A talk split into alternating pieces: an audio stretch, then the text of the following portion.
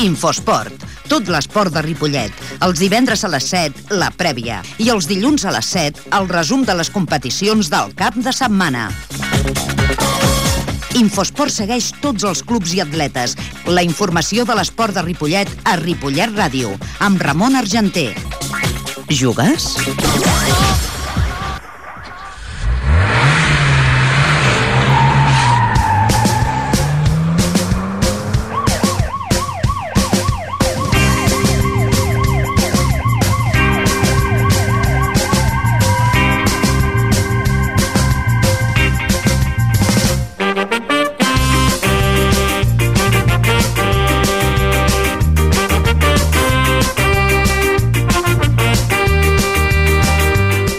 Tarda, estem a la sintonia en 1.3 de l'FM. Comencem el panorama d'Infosport. Les vides de Fran Lludiu, que us parla Ramon Argenter. El dilluns va ser festiu, per allò de, de que els controladors doncs, vam haver de fer pont.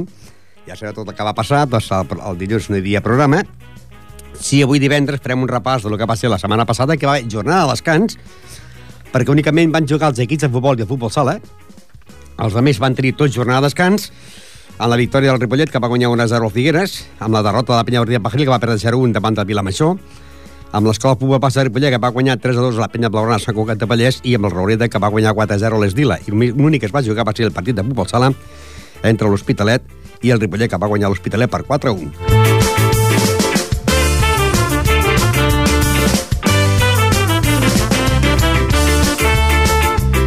Sí hi ha competició i anirem a repassar uh, un repàs uh, la jornada passada a la victòria del Ripollet. Però dir també, dir també que aquest cap de setmana doncs, eh, va morir eh, José Manuel Osuna, entre, el delegat del futbol sala de Ripollet, i avui doncs, un homenatge amb ell recordarem uns talls d'unes entrevistes que com a delegat li vam efectuar entre l'any 2008 i el 2009, que serà l'últim del programa. Avui no tindrem convidats, i entrenem també amb Manel López, entrenador del segon entrenador del Ripollet, amb Xisco Inglata, president. Entrenem també amb el delegat de la Penya Deportiva Pajaril, amb José Antonio Torres, segon entrenador de la Penya Deportiva Pajaril, amb Xisco, entrenador de l'equip de l'Escola Futbol Sala de Ripollet, en Rubén Marín, de l'equip de l'Esdila, i finalment doncs, a José Manuel eh, Osuna, que va morir aquest cap de setmana, i que demà se jugarà el partit, els dos partits de Ripollet, l'equip B i l'equip A jugaran L'equip B jugarà contra Viladecans a dos quarts de sis, de cinc de la tarda, i a dos quarts de set del Ripollet, a Premià de Mar, i suposo que li vendrà a fer un homenatge eh, en el delegat del club. Ara, anem a recordar que el Ripollet la setmana passada doncs, guanyava 1-0 al Figueres, en Ferran de, el gol de eh, Fran. Anem a recordar les paraules del seu entrenador, Manel López. Per estil de joc, sí, són dos equips que la surten, juga, surten jugant-la, eh, amb qualitat al mig, i sempre creant, creant, creant, creant joc. Molt Quan s'ha marcat al minut 6 al 1-0, eh, veies que podia haver golejada o no? No, no, no, no, és un equip molt ferm, molt, molt fort eh, a la defensa, eh, amb un mig molt creatiu i de fet eh, els últims minuts han jugat tres defenses, amb cinc homes al mig, eh, tres puntes, vull dir que molt bé, molt bé. És un, no golejada ni molt menys, però sabíem que nosaltres eh, és molt difícil que ens facin gols i realment amb la 0 hem jugat ja amb molta tranquil·litat, hem creat molt joc i eh, molt, un bon, bon partit. Costa marcar un gol a casa, eh? Bueno, és un equip molt ferm aquest, eh? és un equip amb una defensa doncs, eh, ben col·locada, eh, uns mitjos molt treballadors i alhora ta- també tècnics, vull dir que amb aquest equip li costarà, cost, els hi costarà fer gols amb aquest, o sigui, en contra d'aquests equips. I el diumenge a les 5 de la tarda un altre difícil partit, no? Sí, Palafrugell. Un difícil. equip que porta història de 3 anys. Sí, sí, sí, és un altre, un altre equip dels que normalment eh, doncs, hi ha molta competitivitat, també doncs, eh, potser la classificació no està al lloc eh, que mereixeria per el tipus de joc i per a, seva, a casa seva, doncs, amb el seu camp, són un equip molt, molt perillós. Vull dir que haurem d'estar igual de ferms que, que avui. I per quan recuperarem a Novo? Novo potser en un parell de setmanes el tindrem també ja a l'equip. Escolta, ha vingut la lesió en el pitjor moment, no? Bueno, però déu nhi la feina de tot, de tot l'equip. Diguéssim, Som, som 22 jugadors i qualsevol d'ells eh, pot jugar i pot suplir qualsevol altre jugador. Futbol, futbol, futbol. Les paraules de Manel López, que és el segon entrenador del Club de Futbol Ripollet, que la setmana passada doncs, guanyàvem el Figueres per 1 a 0. Líder, Ripollet, 29 punts, seguit del Manresa amb 25. Figueres, 24. Avià, 23. Farners, 22. Mollet, 20. Amb 19 punts, Horta, Granollers i Premià de Dalt. Amb 17 punts, Canyella, Gironella i Tona. Amb 15 punts, eh, Turó de la Peira. Amb 12 punts, Palau. Amb 10 punts, Banyoles i Palafrugell. En, en el lloc número 17 Caçà la Selva amb 9 i tanca el Mataró amb 18, en el lloc número 18 amb 5 punts. Eh, aquesta setmana eh, s'enfrontarien el Tona contra el Palau, a l'Horta contra l'Avià, el Figueres contra el Premià, el Mataró contra el Granollers, el Manresa contra el Tudor la Peira, el Canyelles contra el Mollet, el Caçà de la Selva contra el Banyoles, el Gironella contra el Farners i diumenge a les 5 de la tarda Palafrugell-Ripollet, un Palafrugell que la setmana passada doncs, perdia 2 a 1 al camp del Granollers. Un Palafrugell que ocupa la plaça número eh, 16 amb 10 punts davant d'un Ripollet que és el líder. Després del partit entre el Ripollet i l'equip del Figueres, que va guanyar doncs, el Ripollet eh, 1 a 0 en gol de Fran en el minut 6 de la, de la primera part, anem a recordar també les paraules que mantenia amb el seu president Cisco Inglada. Els jugadors no es mouran del Ripollet. Primerament perquè els Però jugadors... cert o no? A veure, els jugadors no es mouran del Ripollet per una cosa molt clara. Ells tenen ofertes perquè ho estan fent molt bé, però els jugadors tinc molt claríssim de que ells volen quedar-se en el Ripollet fins que acabi la temporada. I acabarà la temporada tal com hem acabat avui el partit, primer el Ripollet i segon el Figueres? Poden passar moltes coses. Poden passar moltes coses i llavors està clar que avui hem guanyat amb un gran equip. I penso que el partit ha transcorregut amb, els, amb el guió que penso que l'entrenador del Ripollet voldria. Marcar d'hora i defensar. Avui, avui els jugadors que han jugat s'han posat al món de treball. Avui no es podia fer un joc eh, maco ni vistós, però tot i això, el Ripollet ha fet un joc pràctic, eh, molt clar, amb les idees molt clares, amb un gran equip. I es pot dir que acabarem la, pot, la, la temporada, bueno, la temporada, l'any, com allò que es diu campió d'hivern, no? Diumenge 5, 5 punts, sí, home, no sé quan s'acabarà el, això de l'hivern, comença el 21, anem a Palafrugell, encara que perdéssim quedaríem primers, bueno, eh, espero que a Palafrugell fem també un do de pit i llavors està claríssim de que llavors seria important donar el do de pit a Palafrugell. No serveix de res, Eh, en aquesta lliga eh, és molt important guanyar a casa perquè costa molt guanyar a casa, però has de guanyar a casa i recolzar-ho llavors a fora, allà, puntuant, eh, no perdent, vaia. I a la Palafrugell sempre hi ha aquells partits de màxima realitat, eh? Palafrugell va quedar per desgràcia gravat el temps el dia del que es va suspendre el partit a casa per una llastimosa actuació d'un jugador que encara no està en el, que per sort no està en el club i llavors bueno, s'ha quedat gravat però no, penso que els partits per la Fugell i Ripollet han de ser un partit maco, vistós i, i sense cap problema Quin és l'equip revelació de la temporada del grup? per mi el Ripollet A part del Ripollet, eh? Hi ha equips, és que en aquest grup, a veure, hi ha equips, per a mi la revelació de la temporada és que el Mataró estigui a la situació que està. Un equip amb molta entitat, per mi és la revelació, no per bé, sinó per malament. I llavors això eh, està clar, com veig una entitat de tant pes específic en el futbol català, sobretot com el Mataró, i que estigui en aquestes circumstàncies, penses que alguna el futbol no funciona. I llavors penso que la revelació negativa és el Mataró. Perquè estan parlant també que el Figueres és un equip que està a dalt de tot i que també està ara eh, a baix, podríem dir. Bueno, jo he parlat amb el president i el president és un president que havia estat amb l'entitat també quan estava a segona B i, i és la realitat de tot arreu. Dir, a veure, si no hi ha calés i si no hi ha els, els suficients arguments, els socis, la publicitat, eh, els ajuntaments no recolzen els equips, és impossible fer miracles en una categoria en el que el futbol jo, honradament, penso que el futbol professional espanyol, a nivell ja de lligues, està desfasat amb la situació real del país es paguen disbauxes per jugadors quan realment el país no genera aquests calés. Pues a futbol regional passa el mateix. Si tu no generes calés suficients per pagar unes xifres astronòmiques a, a equip, amb un equip de, primera, de, de, de segona B o segona o tercera, hem d'anar amb la realitat. I el Figueres penso que està fent les coses realment com les pot fer. Em deia el president, tenim l'equip que tenim, no, no podem fer res més. Si no entren calés no podem estar segona B. Hem de... Molts voldrien tenir aquest equip, no? Sí, bon O equip. aquests jugadors. és un bon equip, amb jugadors experimentats, amb bona... jo hi penso sincerament que, bueno, que serà, serà un equip molt important. Ah, estava, ens estava apuntant precisament a l'entrenador que és el primer partit que el Figueres perd a fora. Sí, bueno, però vull dir que, per això que, que té més valor la victòria nostra. Eh, el diumenge que ve, com dèiem, a les 5 de la tarda sembla ser que es fa autocars, no? autocar eh, i llavors eh, les persones que vulguin viatjar amb l'autocar han d'agafar i vindre de treure els tiquets a les oficines del club. Molta sort. Se sap el preu ja? Sí, cada persona, una persona 3 euros, dues persones 5 euros, tres persones 7 euros i quatre persones 10 euros. Però es donen uns tiquets que són sorteig, és a dir, sobre del viatge li poden tocar 300 euros amb el sorteig.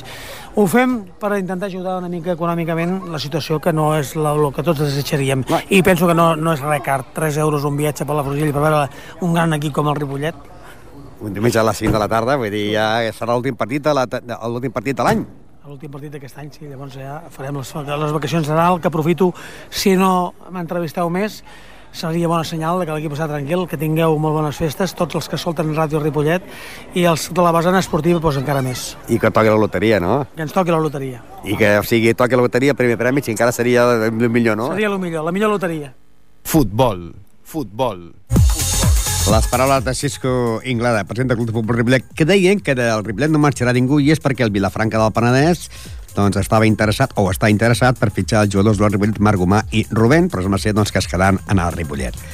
També aquesta setmana, la setmana passada, es va jugar el partit corresponent a la categoria de la segona territorial, on la penya Portia Pajaril doncs, va perdre 0-1 davant de l'equip del Vilamajor i que abans, abans de començar el partit, abans de començar el partit, doncs, eh, parlàvem amb el delegat, Manolo Jiménez, perquè doncs, la setmana es, es va suspendre un partit perquè va fallar doncs, la, la llum d'una torreta. I abans de començar el partit, doncs, també fallava i estaven esperant que arribés el tècnic per si havia solució o no. Anem a preguntar les paraules de Manolo Jiménez. Hombre, no, nosotros lo del pajarí que vamos a empezar ahora, yo creo que con, con una torreta menos no vamos a jugar, porque ya no hay luz aquí apenas. Estamos viendo que a más a más de las cuatro torres que hay, en cada torre falla un foco. Eso ya llevamos así ya bastante. Desde que empecemos ya pusieron los focos, ya empezó a fallar uno, y luego el otro, y luego otro, y en todas las torretas falla un foco. Y hay muchas clapas de, de luz en el campo. Con tres focos, esto no se puede, aquí no se puede ver mucho. El otro día se suspendió un partido porque volvió a fallar la misma torre, ¿no?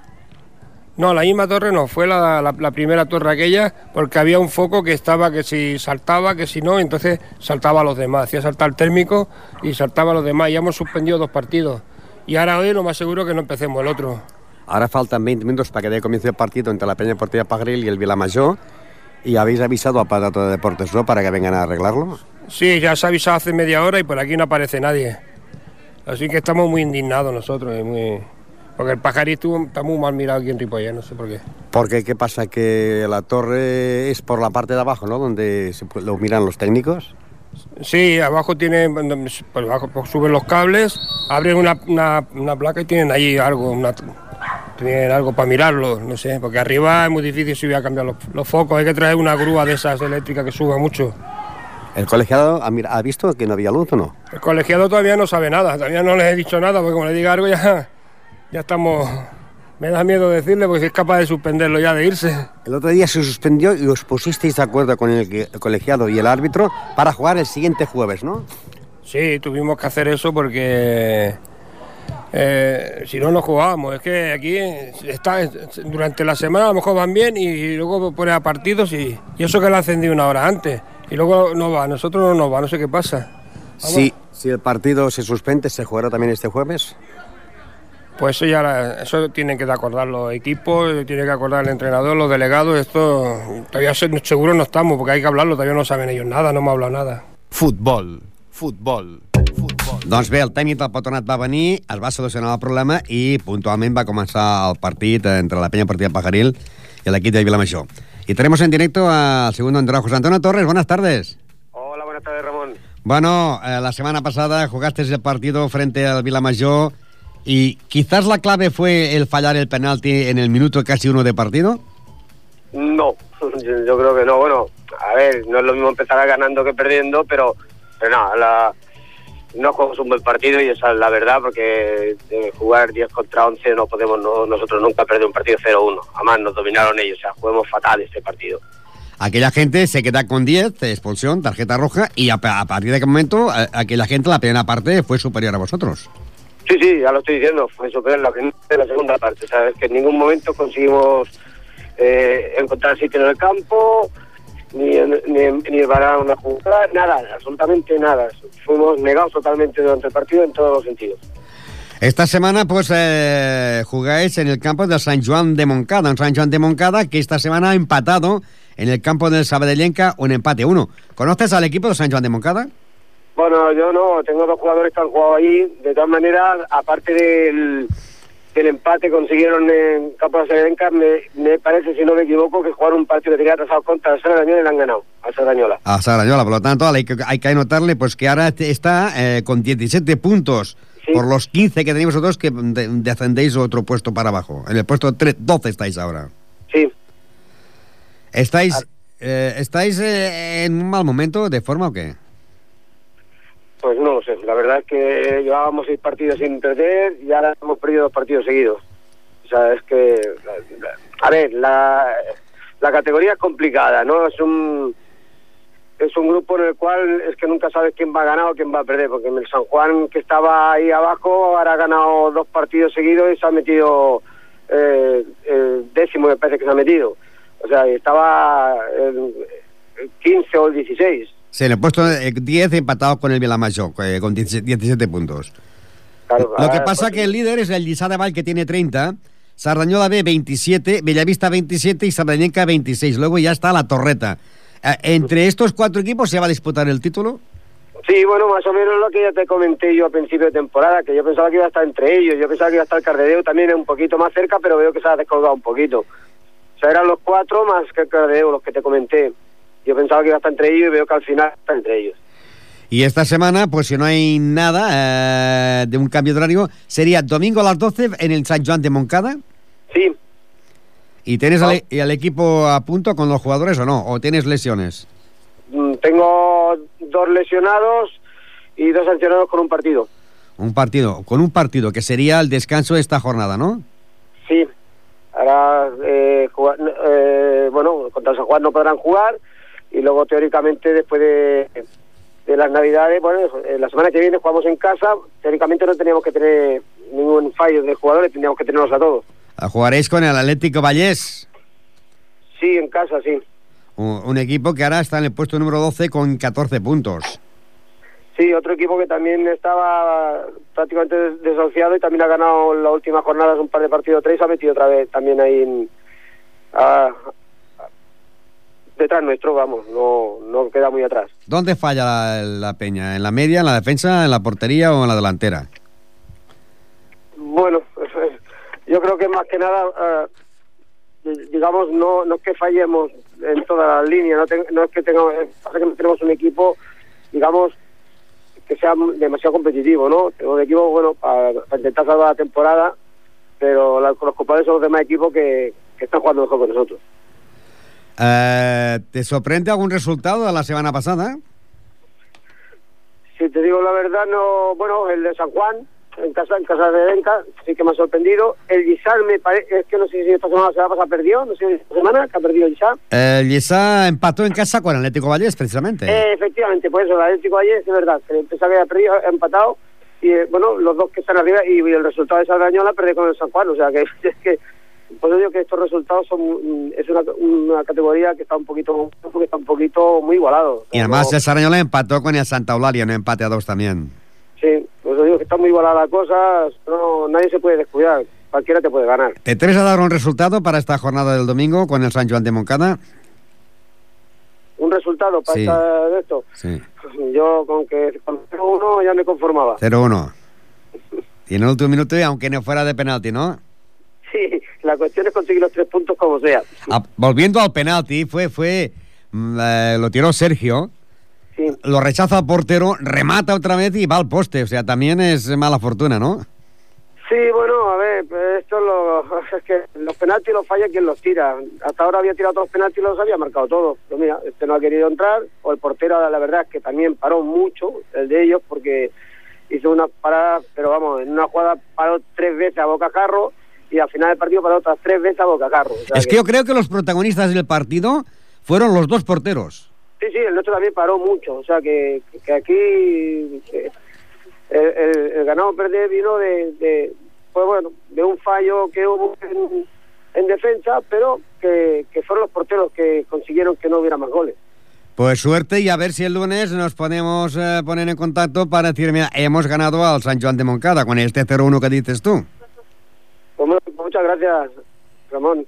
Hasta luego, hasta el lunes. Futbol. Venga, Ramón, gracias. Les paraules de José Antonio Torres, que és el segon entrenador de la penya esportiva Pajaril, que aquesta setmana s'enfrontarien Pitres contra el Bellavista, la Torreta contra l'Ametlla, el Vilamajor contra el Parets, el Vallès contra el Sabadellenca, el Martorelles contra el Lliçà de Vall, el Saranyola contra el Cardedeu, el Montmeló contra el Santa Eulàlia, el Palau Tordera contra el Sant Esteve i el Sant Joan de Montcada contra la penya esportiva Pajaril diumenge a les 12. Líder, com dèiem, doncs, Lliçà de Vall 30 punts, seguit del Saranyola amb 27, Bellavista 27, Sabadellenca 26, La Torreta 24, Caradeu 23, Montmeló i Santa Eulàlia 21, Vilamajor i Sant Joan de Montcada 17, l'Ametlla 16, la Penya Deportiva Pajaril està en el lloc número 12 amb 15 punts, Parada té el Vallès amb 14, el Palau Tordera 14, Pitres 12, Sant Esteve 10, Martorelles 8 i tanca eh, a el lloc número 18 a l'equip del Parets B en el lloc número 18 amb 4 punts. I aquesta setmana, com dèiem, doncs, el Sant Joan de Montcada serà el rival de la penya deportiva Pajaril. I també la setmana passada, doncs, l'equip de l'Escola Futbol Base de Ripollet, doncs l'equip revelació de la temporada va guanyar 3 a 2 el que havia sigut líder de la competició, la penya Blona Sant Cugat de Vallès, la va guanyar per 3 a 2 i l'equip del que entrena Xesco doncs és el quart de la Lliga a dos punts del líder a dos punts del líder el júnior en té 22, la Prada 22, Badia 22 y la Escuela de Fútbol Base de Ripollet 20. Chesco, buenas tardes. Hola, buenas tardes. Bueno, eh, la cosa está apretadísima aquí arriba para el pinchazo de uno u otro y os colo- colocáis líderes, ¿eh? Sí, no, está la cosa un poquito apretada, sí. Vamos a hacer la quiniela esta semana, a ver qué te parece si las aciertas de, de vuestro grupo. La Fundación Robreda. Fundación Robreda, pienso que Robreda gana, sacará campo de la Fundación, Robreda. Ganará el Robreda, 1-1. Nou Vallès Júnior. Nou Vallès Junior ganará el Junior, un 2. Penya Blaugrana Sant Cugat, Can Calapi. Un 1. Mirasol La Unión. Migración La Unión, un 1. La Planada Marina. Planada Marina, aquí... Te iría bien un empate a ti, ¿no? Sí, un 1X, un 1X. ¿Se puede poner un 1X? Bueno, uno X, venga. Eh, Badía del Valles y vosotros. Badía de Vallés y nosotros. Una X2. X2. Y Esdila La Farga. El Dylan La Farga, un 1. Un 1. No, el Dylan La Farga, un 2, Sí, perdón. un 2. La clasificación Junior 22, La Planada 22, Badía del Valles 22 y vosotros con 20 puntos por atrás tenéis al Marina y esta semana os enfrentáis eh, al tercero, Badía del Vallés, que la semana pasada ganó al campo de Nanun Salud por 1 a 2. ¿Has visto ya el equipo del No se Badía del acabó el partido, ¿eh? ¿No se acabó el partido? No, les quedaban los cu- segundo 45 minutos. Les queda Pero supongo que lo normal es que gane el Badía. que gane el Badilla. Bueno, por el momento, claro, yo, tienes sumado los 22 puntos, tienes sumado los 3 puntos, ¿no? En algunos sitios sí se los han dado, pero en la página de la federación... Federación no. En Yo federación tengo no. sumado los, 20 los 22 puntos, pero En página de federación no, porque todavía faltan los claro, segundo 45. en ese caso rectificamos y tendría eh, pues 19 puntos y los terceros sois vosotros. Sí, bueno, pero es virtual. Ya, bueno, ya, es ya, ya, pero ahí estáis. Y esta Sí, semana... bueno, se eh, trata de seguir estando ahí el máximo de tiempo posible. y vas a, a los pocos puntos que lleváis al, al equipo de del Vallés. O sea, sí, la verdad que Marina. estamos todos muy apretados. Entonces, claro, si esta semana consiguiéramos puntuar allí, pues claro, sería un paso importante, porque es un rival directo de los de cabeza. Y claro, eh, de- él no puntúa en casa, que este año será muy importante que no se escape ningún punto en casa. Y claro, nosotros nos vendría muy bien. Si nos sale un partido como el día del Junior, tan bien serios y bien colocados y haciendo bien las cosas, pues tenemos opciones. Tienen un buen equipo, ¿eh? el Badía, por eso está arriba. Ah, ¿Le has visto jugar ya al Badía? Eh, sí, tienen un buen jugador en el centro del campo que es el que dirige todo y arriba son rápidos y son peligrosos. Y bueno, como todos los equipos de Badía de siempre, equipos de brega, de lucha y, y tienen calidad, que es, que es lo que les hace más peligrosos, por eso están ahí arriba, claro. Eh, y es, eh, jugáis a las 5 de la tarde del domingo, No, jugamos el domingo a las 12. domingo a las 12. Eh, porque eh, hemos pedido nosotros el cambio de horario, porque el domingo a las 3 de la tarde es la presentación de la escuela. Sí, me lo dijo Mark. Y entonces, como cuando para que podamos ir nosotros, si jugábamos a las 5 era más complicado. Entonces, jugamos a las 12, les pedimos al Badía, nos concedieron el cambio de horario, jugaremos a las 12 en Badía y cuando acabemos el partido vendremos para la presentación. O sea, será una presentación de toda la temporada de todos los equipos, ¿no? Ya. Sí, sí, de todas las, sí, de todos los equipos. Me lo dijo el Marque que sí, que sería este día. Lo que pasa es que no estaba seguro si este partido se podría ah, adelantar o no. Así, porque ellos, el horario oficial es domingo a las 5 de la tarde, ¿no? Pero no, también lo tienen cambiado porque pone eso en la página de la federación, Sí. pero últimamente están jugando los sábados. Los sábados. Sí, Y eso jugaréis domingo, domingo a las 12. domingo a las 12. Pues eh, yo creo que esta semana eh, ese partido va a ser muy fuerte, muy importante, la victoria, pero va a ser un partido difícil, ¿no? Sí, sí, ya sabemos lo que nos vamos a encontrar. Sabemos que es un campo donde la gente aprieta, esperemos que nos toque un árbitro que no se deje influir por, por la gente del fuera, que se dedique solamente arbitrar y, ellos, claro, son un equipo complicado.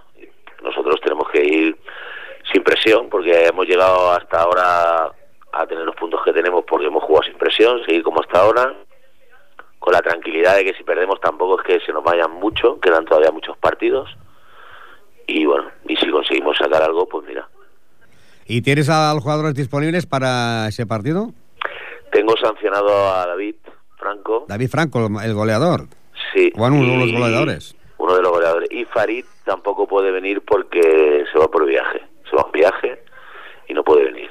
Entonces tengo dos bajas. Pero a ver, con la plantilla que tenemos, pues tampoco se tiene que notar mucho, porque Pei, por ejemplo, ya la semana pasada entró en la, entró en la convocatoria, jugó en la segunda parte unos minutos. Y esa, como tú sabes, es un jugador que tuvimos el año pasado, que es arriba es peligroso. Sí, sí. O está el otro del Diego, ah, bueno, hay más gente, hay más gente en la plantilla, Tomás, hay más jugadores que yo creo que están al mismo nivel que estos dos y darán la cara también. Farid, que fue el máximo goleador el año pasado. Sí, sí. Y ahora- Hombre, son dos jugadores que tienen gol. Son dos jugadores que tienen gol. La verdad es que sí, pero bueno, la plantilla no son dos jugadores, la plantilla somos 22 y los que vayan- el domingo vayan a jugar pues tendrán que hacer lo mejor posible, intentar sacar los puntos. Pues suerte, gracias. Y a ver si el lunes, eh, a esta misma hora, podemos hablar de la victoria del equipo de la Escuela de Fútbol Base de Ripollet. Pues venga, gracias Ramón. Hasta luego. Les paraules de Xesco, entrenador de l'equip de l'Escola de Futbol Base de Ripollet. Molta gent diu, qui és aquest equip? Doncs l'antica de fut. I també en el mateix grup ja està l'equip de l'Esdila. Líder, júnior, 22 punts, la plana 22, Badia del Vallès 19. En aquest cas, l'Escola Futbol de Ripollet passa a ocupar la tercera posició amb 20 punts. Marina, 19, Raureda, 13, La Farga, 13, Sant Cugat, 13, Mari- Mirasol, 13, i amb 6 punts la Unió Salut, Can Colapi, la Fundació i Nou Vallès. I allò el número 14, l'Esdila, amb 3 punts. I aquesta setmana, doncs, l'equip de l'Esdila, que està al mateix grup, té un difícil partit. Juga al contra l'equip de la Farga.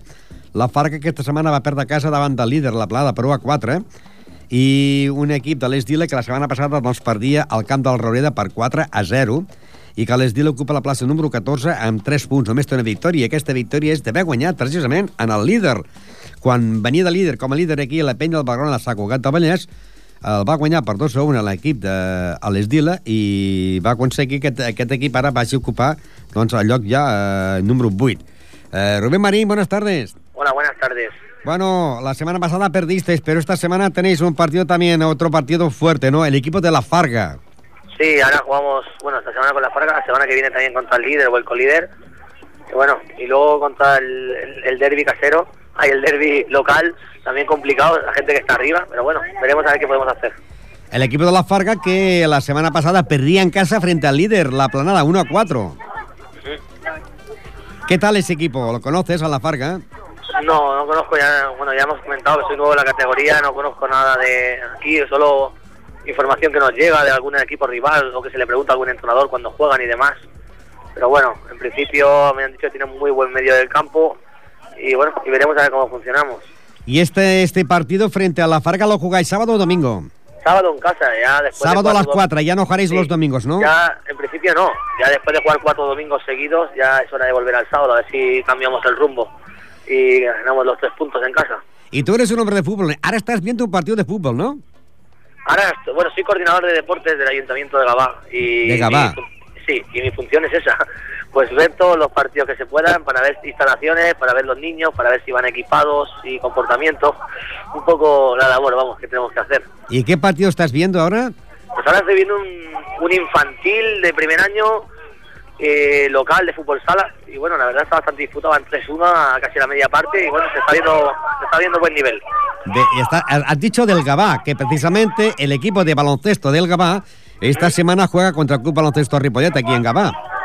Aquí en Gabá. Sí. ¿Y a qué hora juegan? Pues el sábado a las 6 de la tarde, Club Baloncesto Gabá, eh, Bueno. fútbol sala, o sea, equipo de baloncesto Ripollet. Bueno, como vivo justo al lado del pabellón de básquet, que estoy a dos minutos de casa, seguramente veré la segunda parte. Eh, pero tú eres aficionado, un hombre de fútbol, ¿no? Sí, sí, yo se puede decir que es, es mi único vicio. ver partidos de fútbol, jugar a fútbol. Bueno, jugar bien poco, porque soy, bien, soy bastante cojo, pero bueno, la verdad que sí que suelo jugar bastante a fútbol. Y siempre has estado con el deporte base, ¿no? Eh, sí, o sea, yo estaba en la sub-15 de la catalana, eh, he jugado va- varios campeonatos de España, eh, bueno, he llevado al Gabá, el año pasado estaba de coordinador en el Gabá de fútbol sala, eh, ayudando de ojador en el, en el fútbol base del Gabá, que se, con la escuela, que tiene varios equipos en preferente, sí, toda la vida estado ligado a eso. ¿Y qué te es más difícil, entrenar a los críos o entrenar a un equipo de tercera territorial?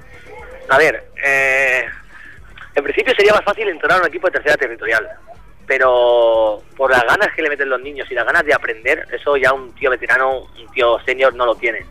Entonces, mm, aquí a la que te meten un gol o te meten dos goles o has tenido un día malo con la mujer, con la novia, eh, con el trabajo, todas las chacas al, al no jugar bien. En cambio, en, en los chavales eso- ese problema no lo tienen. Eh, contra el equipo del Estila, contra la Farga, ¿qué? ¿vais a ganar o no?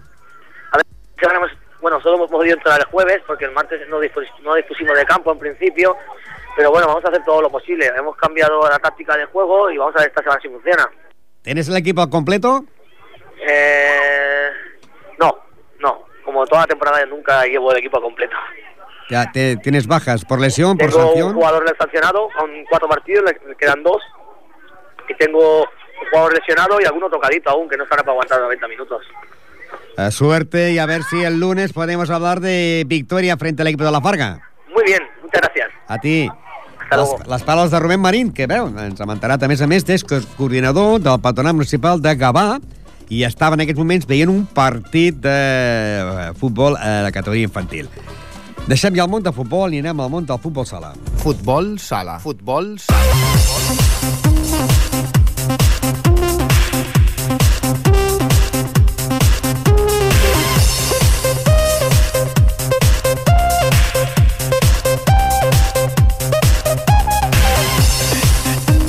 I anem al del futbol sala, que el futbol sala de Ripollet, doncs, aquest cap de setmana ha suspès tots els entrenaments, tots els entrenaments per la senyal de dol, per la mort del delegat José Manuel Osuna, que suposo que estan esperant que arribi el dissabte per jugar el partit i dedicar-li a la victòria. Nosaltres la que li dedicarem serà, al final del programa, eh, quatre talls d'unes entrevistes que vam facturar diferents vegades, eh, que jo tant entrevistava l'entrenador com entre- entrevistava ell. L'entrenador canviava, però ell continuava sempre delegat. La temporada següent venia entrenador, però ell sempre continuava, i li he fet diverses entrevistes, no? Ho deixarem pel final. Aquesta setmana, eh, primerament, l'ú- l'únic partit que es va jugar de futbol sala pas- eh, aquesta eh, setmana passada de les festes va ser el Ripollet que va perdre el camp de l'Hospitalet per 4-1 amb gol de Bustamante, David Bustamante. Líder, les Plugues, 31 punts, seguit de l'Hospitalet amb 26, Bar Micasa 22, Premià de Mar 19, que és el proper rival del Ripollet, la Unió amb 18, Vilassar de Mar 17, l'Escola Pia 17, Sabadell 13, Calvià i, i Gavà 12, i en 10 punts tenim el Santa Coloma, el Ripollet i el Sant Cugat, i en 9 punts el Martorell i el Mataró. Aquesta setmana, la jornada número 13, s'enfrontarien les Plugues contra el Mataró, Sant Cugat contra Vilassar de Mar, Bar Micasa contra el Caldià, eh, Sabadell contra el Santa Coloma, la Unió contra l'Escola Pia Sabadell, el Gavà contra l'Hospitalet, descansaria el Martorell perquè el grup és impart i eh, a partir de dos quarts de sis de la tarda, de, de set de la tarda, el Ripollet contra el Premià de Mar. Un Premià de Mar que la setmana passada guanyaven el Martorell per 6 a 4. Un premi de Mar que és quart a la Lliga amb 19 punts, amb un Ripollet que ocupa la plaça número 12 amb 10 punts. Això pel que fa a l'equip de Lliga Nacional. A l'equip B, que és el líder de la categoria preferent, la setmana passada doncs, va tenir jornada de descans, però és líder de la competició amb 21 punts, seguit de l'Alella amb, 20, amb 17, Llagostense 16, amb 15 punts el Castellà i el Cervelló, amb 13 punts el Sant Sur i el Sant Just, amb 12 punts el Xarxa i el Cornellà, amb 9 punts el CRC, amb 7 punts el Sant Coler, amb 6 punts el Bruc, amb 5 punts el Viladecans i tanquen el lloc número 15, que el grup és impar, per retirar d'un equip a l'Esporting Prat de Llobregat amb un punt. I aquesta setmana el Ripollet B jugaria contra el Viladecans. Un Viladecans que ocupa la, el lloc número 14 de la competició amb 5 punts. Un Viladecans que aquesta setmana va guanyar l'Alcolista 4-2, que és l'Sporting Prat. Aquesta setmana s'enfrontarien el Xarxa contra el Bruc, el Castellà contra el Cornellà, el Sant Just contra el CRC, les Plugues contra el Cervelló, el Llagostentre contra el Sant Coler, l'Sporting Prat contra l'Alella, el Castelldefels tindria jornada de, descans, o i Sortint tindrà jornada de descans per la retirada del Castell de Pels. El Ripollet Vell, perdó, contra la Vila de Cans.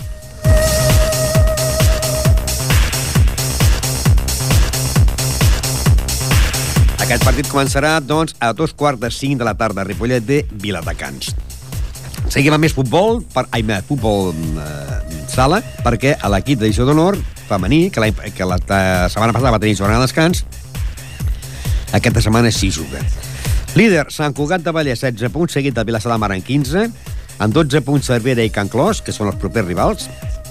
Escola Pia 10, amb 6 punts tenim el Gironella, Cardeu, Caldes i Palau, amb 4 punts les Corts, i en 3 punts l'Altafulla, Montserrat i el Castell de Pels. Aquesta setmana jugarien a partir de les 4 de la tarda Cervera, Can Clos. Un Cervera que ocupa la plaça número 3 amb 12 punts. Un Can Clos que ocupa la plaça número 4 amb 12 punts. La resta de partits serien Altafulla, Castelldefels, Cardedeu i les Corts, Montserrat, Caldes, Gironella, Sant Cugat, Palau, Escola Pia, Vilassar de Mar, Mataró i Cervera, Can Clos.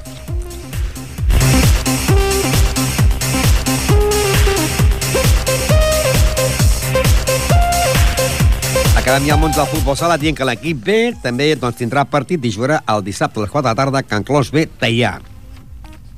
Líder Sant Feliu, 15 punts, seguit el Sant Pedro amb 12, Arenys de Munt 10, Arrels 9, Hospitalet 6, Can Clos ocupa la plaça número 6 amb 6 punts, Centella 5, amb 4 punts el Mistral, les Corts i la Penya Blanca i Blava Sant Andreu, amb 3 punts el Teià i el Santa Coloma. I aquesta setmana, a partir de les 4 de tarda, Can Clos B, Teià. El Teià és, en aquests moments, el 11è classificat amb 3 punts.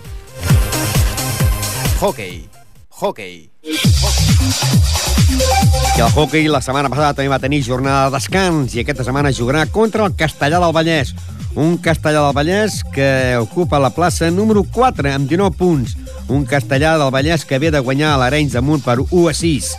Líder Vilassar de Mar, 28 punts, seguit del Rodavilles amb 27, Corbera 24, Castellà 19, Canet de Mar 19, 14, Ripollet 13, Perpetuenc 13, Centelles 13, Arenys de Mar 11, Congrés i Cornellà 10, Premià de Mar 7, Voltregà 4 i tanca el Bartino en el lloc número 14 amb 3 punts. I aquesta setmana, doncs, a partir de dos quarts de... Més ben dit, el partit serà el dissabte a partir de les 2 de la nit, Castellà del Vallès, Ripollet, al món del hockey. Amb vol. Amb vol. Amb vol. I el Club Handball Ripollet també va tenir jornada de descans la setmana passada i van descansar tots. El líder d'aquesta competició és el Sant Miquel, que té 2 punts, seguit del Sant Pedor i el Sants amb 8, i l'equip del Ripollet ocupa la plaça número 10 amb 4 punts. I aquesta setmana el Ripollet jugaria el dissabte a partir de dos quarts de nou Ripollet-Sant Miquel, que és el líder de la competició. Un Sant Miquel doncs que la setmana passada guanyava en el Sant Pedor per 29 a 23 i el Sant Miquel és líder de la competició amb 10 punts davant d'un Ripollet que ocupa la plaça número 10 amb 4 punts i que la setmana passada hi va haver jornada de descans. Tenis taula. Tenis taula. Tenis taula. I en el món del tenis taula, que doncs també la setmana passada hi va haver jornada de descans i aquesta setmana s'enfrontarien el Calella i el Finca Ripollet.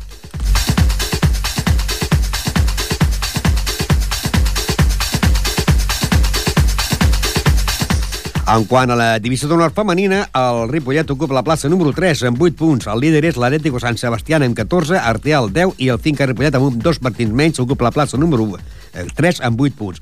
Aquesta setmana s'enfrontarien a partir de les 5 de la tarda Calella, Finca Ripollet. Mentre que l'equip de la primera nacional jugarien dissabte a partir de les 5 de la tarda Finca Ripollet Balaguer. Líder és el Caçà la Selva amb 8 punts, el Balaguer segon amb 8 i tanca el Finca Ripollet en el lloc número 3 amb 8 punts. A l'últim és l'Ateneu que té 0 punts i l'equip masculí, que és líder de la competició, tindrà jornada de descans i el proper partit serà la setmana que ve davant de l'Olot, que s'enfrontarien el Ripollet i l'Olot, Olot-Ripollet, que seria primer Ripollet i segon l'Olot, que és el, el, la classificació que encapçala el club de tenis taula Ripollet Verdolai amb 12 punts seguit l'Olot amb 8, però aquesta setmana té jornada de descans. Bàsquet. Bàsquet. Bàsquet. I anem al bàsquet Ripollet, que també la setmana passada hi va haver jornada de descans. El Ripollet, que continua estant en el lloc número 16 de la competició, eh, amb 12 punts en zona de descens directe, baixarien Ripollet, el Vilanova i la Geltrú i promocionarien Morell, Serranyola, Salou i eh, Sant Boi. Aquesta setmana s'enfrontaria a, a partir de les 6 de tarda del dissabte a les 6 de tarda Gavà Club Bàsquet Ripollet corresponent a la primera categoria. Un Ripollet que l'últim partit va perdre a casa davant del Tarragona per 68 a 99. Un Ripollet, doncs, que està en zona d'ascens directe. aquest dissabte a partir de les 6 de la tarda Gavà a Ripollet i que la setmana passada també tenia jornada de descans. Com també va tenir jornada de descans a l'equip de la Vell Gasó, que ocupa la plaça número 8 de la competició amb 13 punts. El líder és l'Albir La Salle de Montcada i els últims llocs són pel Santa Perpètua i el Cervelló. Aquesta setmana jugarà el dissabte, perdó, el diumenge a partir de les 7 de la tarda a Pallejà. La Bellgasó al Pallejà, doncs la setmana passada perdien a la pista el Setmanat per 68 a 67 i el Pallejà ocupa la plaça número 9 amb 13 punts. La Bellgasó, lloc número 8 amb 13 punts. Es veuran les cares aquest diumenge a partir de les 7 de la tarda. Pallejà, la Bellgasó, del de tercera territorial. I finalment, en el món del bàsquet femení, també va haver jornada de descans al bàsquet femení del Ripollet, que aquesta setmana s'enfrontarà al Club Bàsquet Roquetes. Uns Roquetes que la setmana passada guanyaven a la pista de l'Esparreguera per 62 a 67. Un Ripollet que ocupa la plaça número 11 amb 12 punts. Un Roquetes que ocupa la plaça número 7 amb 15 punts. A partir de el dissabte a les 4 de tarda, Club Bàsquet Roquetes, Club Bàsquet Ripollet Femení de bàsquet.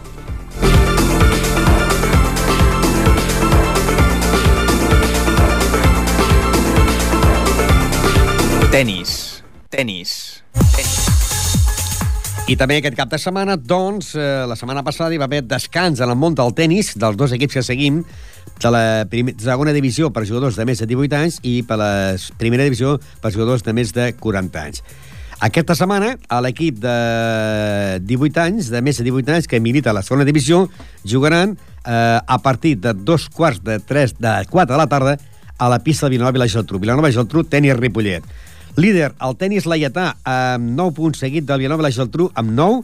Tenis Ripollet, 7, els mateixos que el tenis Les Moreres, que el, la Pobla de Claramunt i que el Vilanova del Camí, amb 5 punts, Castellbisbal, i amb 3 punts, a Llobrons d'Hortons, Esportiu Universitari, i tanca el centre esportiu hispano-francès amb 3 punts. Aquesta setmana s'enfrontaran doncs el Vilanova la Geltrú, que és eh, segona lliga amb 9 punts, amb un tenis Ripollet que ocupa la plaça número 3 amb 7 punts després de que la setmana passada tingués jornada de descans. I també va tenir jornada de descans a l'equip del Club Tenis eh, de primera divisió per jugadors de més de 40 anys. Uh, aquesta setmana també tornen a descansar i no jugaran fins al dia 19 o el dia 18 que jugarien contra el Club Tenis Olesa de Montserrat. La classificació l'encapçala a l'hispano-francès, el Camp Melic i l'Olesa amb 3 punts i amb un punt tenim el Ripollet, el Vilanova i la Geltrú, el Sant Andreu de la Barca i tanca el Sant de Noia amb 0 punts. Aquesta setmana té jornada de descans.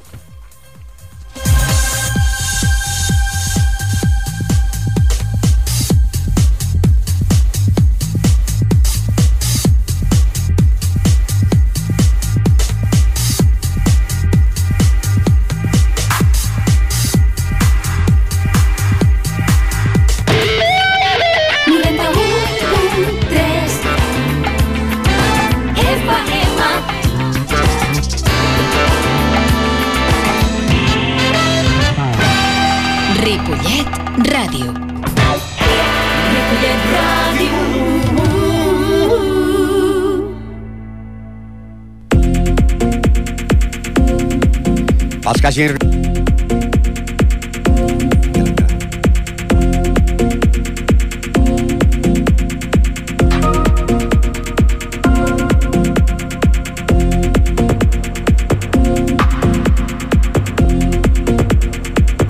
Els que hagin arribat tard al programa, doncs dic que la setmana passada, el dilluns, no hi va haver programa, que era festiu, i per això, a més a més, hi va haver jornada de descans perquè només van, van, només van jugar els equips de futbol i el futbol sala de Lliga Nacional. Van desca descansar el futbol sala del Ripollet B, va descansar el Can Clos, va descansar el Ripollet de bàsquet, la Bellgasó, el femení de bàsquet també, els equips de hockey, de handball, el tennis i el tennis taula. Només van jugar aquests partits. Futbol, categoria preferent, Ripollet 1, Figueres 0. Futbol, segona categoria, Penya Portia Pajaril 0, Vilamajor 1. Futbol de tercera territorial, Escola Futbol Base Ripollet 3, Penya Bernat Sant Cugat de Vallès 2 i Raureda 4, Esdila 0. I l'equip de Lliga Nacional de Futbol Sala entre l'Hospitalet i el Ripollet que va acabar amb victòria per l'Hospitalet 4-1 davant del Ripollet. I aquesta setmana els partits són els següents a categoria preferent a partir de les 5 de la tarda, 16.45 exactament, el Palafrugell jugarà contra el Club de Futbol Ripollet. El diumenge a les 12, el Sant Joan de Montcada contra la penya portiva Pajaril. El diumenge també a les 12, el Badia del Vallès contra l'Escola Base de Ripollet. I dissabte a les 4 de la tarda, a l'equip de l'Esdila contra l'equip de la Farga.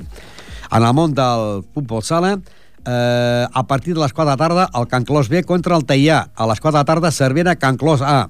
A partir de dos quarts de cinc, Ripollet B contra el Vilatacans i el Ripollet de Lliga Nacional contra el Premià de Mar.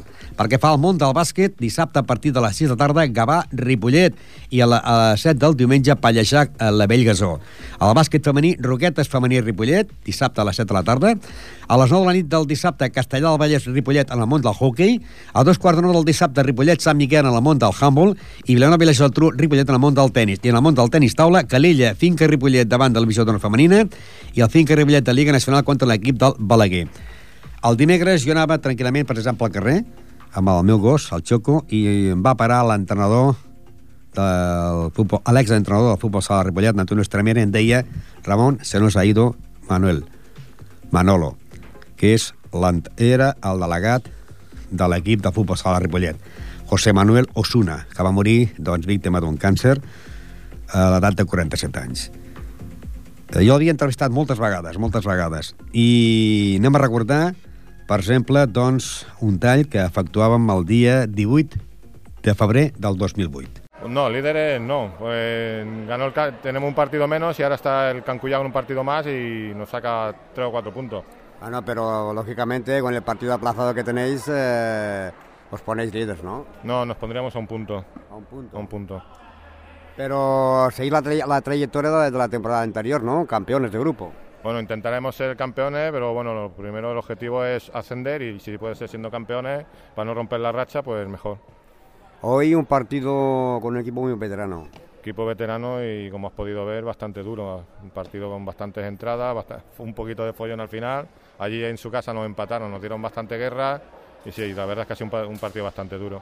¿Ese equipo de Bar Fernando de dónde es? Eh, son de Mataró. Mataró. Uy, se ha ganado. Eh, la semana que viene jugáis en el campo del Cañamars. Sí, jugamos creo que es el domingo, van de los últimos, intentaremos no, no pinchar, a ver si podemos llegar más o menos justos al partido del Cancuyá y jugarnos ahí ya el primer puesto. El año pasado quedasteis campeones y la mitad del equipo se pasó al primer equipo. ¿Este año puede pasar lo mismo o no? Bueno, eso ya depende del entrenador del primer equipo, nosotros estamos para eso, para formar gente de, para el primer equipo. Ya has visto este año que la mayoría del primer equipo ha pasado toda por el B. Entonces, si pasara eso, te- tenías que coger eh, jugadores del juvenil, ¿no? Los juveniles que cumplen y gente que venga a prueba y como todos los años hacer equipo nuevo. Pero bueno, nuestro objetivo es ese, ir subiendo y que la gente vaya ascendiendo al primer equipo. Anem a una altra entrevista que manteníem el dia 22 de febrer també del 2008. Ell era el delegat de l'equip eh, i també feia d'entrenador. Anem amb eh, José Manuel Osuna. Bueno, intentaremos ser campeones, pero bueno, lo primero el objetivo es ascender y si puede ser siendo campeones, para no romper la racha, pues mejor. Hoy un partido con un equipo muy veterano. Equipo veterano y como has podido ver, bastante duro. Un partido con bastantes entradas, bast- un poquito de follón al final. Allí en su casa nos empataron, nos dieron bastante guerra y sí, la verdad es que ha sido un partido bastante duro. ¿Ese equipo de Bar Fernando de dónde es? Eh, son de Mataró. Mataró. Uy, se ha ganado. Eh, la semana que viene jugáis en el campo del Cañamars. Sí, jugamos creo que es el domingo, van de los últimos, intentaremos no, no pinchar, a ver si podemos llegar más o menos justos al partido del Cancuyá y jugarnos ahí ya el primer puesto. El año pasado quedasteis campeones y la mitad del equipo se pasó al primer equipo. ¿Este año puede pasar lo mismo o no? Bueno, eso ya depende del entrenador del primer equipo, pero nosotros estamos para eso, para formar gente de, para el primer equipo. Ya has visto este año que la mayoría del primer equipo ha pasado toda por el B. Entonces, si pasara eso, te- tenías que coger eh, jugadores del juvenil, ¿no? Los juveniles que cumplen y gente que venga a prueba y como todos los años hacer equipo nuevo. Pero bueno, nuestro objetivo es ese, ir subiendo y que la gente vaya ascendiendo al primer equipo. Anem a una altra entrevista que manteníem el dia 28 d'octubre del 2008 amb el desaparegut José Manuel Osuna. Bueno, sí, a ver, no hemos visto la primera parte, se han ido 0-4 y ya no nos quedaba otra que jugárnoslas con el portero jugador. No nos ha salido bien, pero bueno, ¿qué vamos a hacer? Eh, con el 4-2 ha venido 5-2 quizás. eh, ¿Esta ha roto la racha que es de- del empate? A ver, sí, nos hemos acercado 2-4, hemos tenido el 3-4 ahí, pero bueno, hemos fallado en defensa, se han ido 2-5 y bueno, y otra vez a remontar. Si nos llegamos a poner de un gol, lo hubiéramos puesto nerviosos y creo que podíamos haber hecho algo más. Y el protagonista ha sido, por lo menos en la segunda parte, los palos. Sí, pero bueno, ellos también han tenido bastantes oportunidades y no nos podemos quejar por ese lado. El arbitraje bien, Como siempre, malos. Pero bueno, es lo que hay y te tienes que acostumbrar. pero no ha influido en los resultados. No, porque ha sido malo para los dos equipos. No ha- las faltas para un lado, para otro, al final pita a un lado, compensa para el otro, pero bueno. Luego te hemos visto que estabas en las gradas. ¿Qué estás expulsado o no? Sí, por los pequeños incidentes de la semana pasada, un par de, par- de partiditos. ¿Pero el partido del Primera Nacional o del partido No, el- vuestro? El de San Pedor. San Pedro, eh, que perdisteis 3-2. Hoy eh, habéis perdido eh, 6-4 o 4-6. La semana que viene jugáis el campo de la pista La Peña Verdaguer. ¿Qué tal este equipo? Pues como ya te dije cuando nos entrevistaste allí en el estudio, no conocemos a ningún equipo, así que vamos un poco a ciegas. Eh, es difícil, ¿no? Poder intentar ganar un partido cuando no conocéis al equipo porque nunca habéis jugado contra ellos. No, no sabemos cómo juegan, pero bueno, eh, nosotros jugamos siempre igual, si nos salen bien las cosas creo que tenemos suficiente equipo para ganar. Estàvem parlant d'aquestes categories que, lògicament, no les coneixia, no les coneixia perquè havien pujat de categoria i, eh, clar, estava a mitja temporada. Anem amb l'últim tall, que correspon, doncs, al dia 30 d'octubre del 2009. Fatal. Hoy la verdad que un partido para mí malísimo, el peor que llevamos en toda la temporada. ¿Por qué estás en las gradas? ¿Por estar sancionado o no? Sí, por un par de partidos, ya lo hemos cumplido hoy. ¿Y qué se sufre más? ¿En el banquillo o en la grada? No, es lo mismo, porque no se puede hacer nada, ni en un lado ni en otro. Los que juegan son los jugadores. Un partido para olvidar hoy, ¿no? Sí, eh, borra- eh, borrón y eh, a empezar de nuevo y el próximo sábado a ver si conseguimos los tres puntos. De todas maneras, un 2-12 es un castigo muy fuerte, ¿no? Sí, pero bueno, todo lo que han tirado lo han enchufado, hemos jugado fatal y ese es el resultado que hay, no se puede mover. La semana que viene otra vez en casa contra el Corbera. Sí, otro partido en teoría muchísimo más complicado que este, a ver cómo salimos a jugar. El año pasado con los de abajo se perdía, con los de arriba se ganaba. Sí, este año, a ver, hemos empezado bien, a ver si este es el partido malo que tenemos todos los años.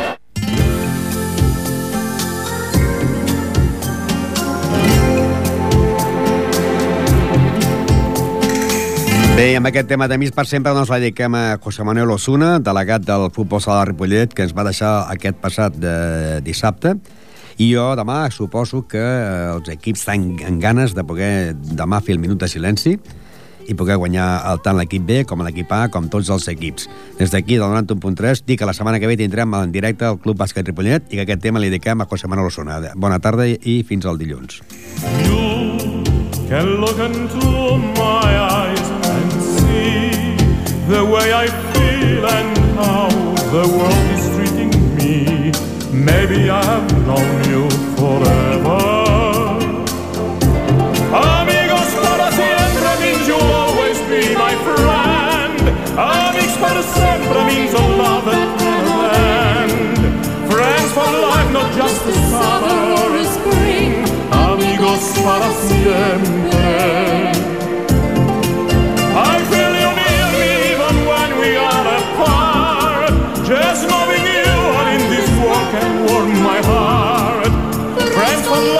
Just a summer or a spring.